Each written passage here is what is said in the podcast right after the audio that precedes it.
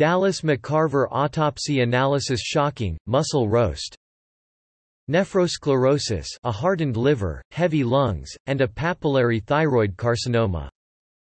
Prior medical history includes cholesterol issues high LDL, low HDL, elevated aminotransferase levels, a chronic cough and shortness of breath, and childhood asthma.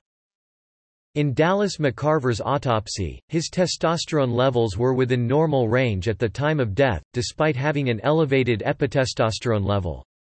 Trenbolone metabolites were also present. Screening for additional steroids was negative, although he tested positive for caffeine and marijuana metabolites, neither of which are mentioned as contributing factors in his death. No other recreational drugs or narcotics were present. Cause of death, severe concentric left ventricular hypertrophy with coronary artery atherosclerosis.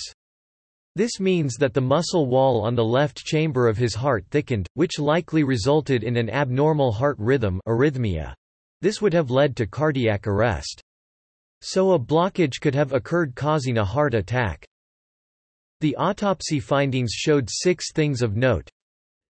Severe cardiomegaly 833 grams heart with concentric left ventricular hypertrophy. A normal human at his age would have a heart of about 300 grams, so his was almost 3x normal size. Rich Piana, by comparison, had a heart of 670 grams and was 20 years older. This fact should scare the crap out of anyone in their 20s who wants to copy this sort of lifestyle. Coronary artery atherosclerosis they did say he had a family history of high cholesterol, but this would also be caused by insane drug use and poor diet of too much meat and not enough omega-3s. It is extremely rare for someone his age to have this issue, and it was a combination of things causing it. This condition also shows he had damaged arteries in his kidneys. The four other things the autopsy found were heavy lungs, minimal nephrosclerosis, and hypertrophy of kidneys. Papillary thyroid carcinoma. Although this didn't cause his death, this is something very scary for a 26-year-old to have, and he may not have known he had it. Abuse of growth hormone could have easily caused this cancer to grow quicker. Many of us may have cancer in our body and not even know it, this is why checkups are important.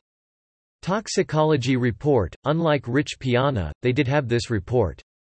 Caffeine. Dallas had caffeine in his system, which isn't uncommon. But it in this case with already an enlarged heart stimulant use will increase the chance of problems, and caffeine has minimal benefits to bodybuilding. Too many people abuse stimulants. I always see 20 somethings walking out of the gas station with two or three energy drinks in their hands. Most pre-workouts are chock full of stimulants. Marijuana Dallas tested positive for weed. In my opinion, recreational drugs have no place in bodybuilding, and like caffeine has absolutely zero benefits to fitness or health. THC marijuana. Other recreational drugs, none. Alcohol, none. Steroids The autopsy noted that chronic use of exogenous steroid and non-steroid hormones were contributing conditions. Trenbolone Of all the main anabolic steroids, trenbolone is the most potent and harsh on the system. In my own experience trenbolone has sent my cholesterol up 20 to 30 points and my blood pressure sky high. Abusing tren will cause major heart issues. There is no doubt in my mind that Dallas failed to pay any attention to the red flags of how trenbolone obliterated his blood work, abusing it non-stop without breaks. If you have heart issues then you have no business using tren, fix your heart health first. Dallas should have taken a long break from steroids to give his heart a break. Testosterone. Dallas had testosterone levels of 550 nanograms per milliliter. This translates to 5,500 nanograms per deciliter, which is what we are used to when we do blood work. This means he was using about a gram or more of testosterone a week, which was likely just his cruise dose. Abusing testosterone will cause androgenic and estrogenic side effects, which will strain the heart. Also, stacking that much testosterone with trenbolone is a recipe for disaster. It is a myth that stacking steroids reduces side effects, the more steroids you use the more side effects will occur.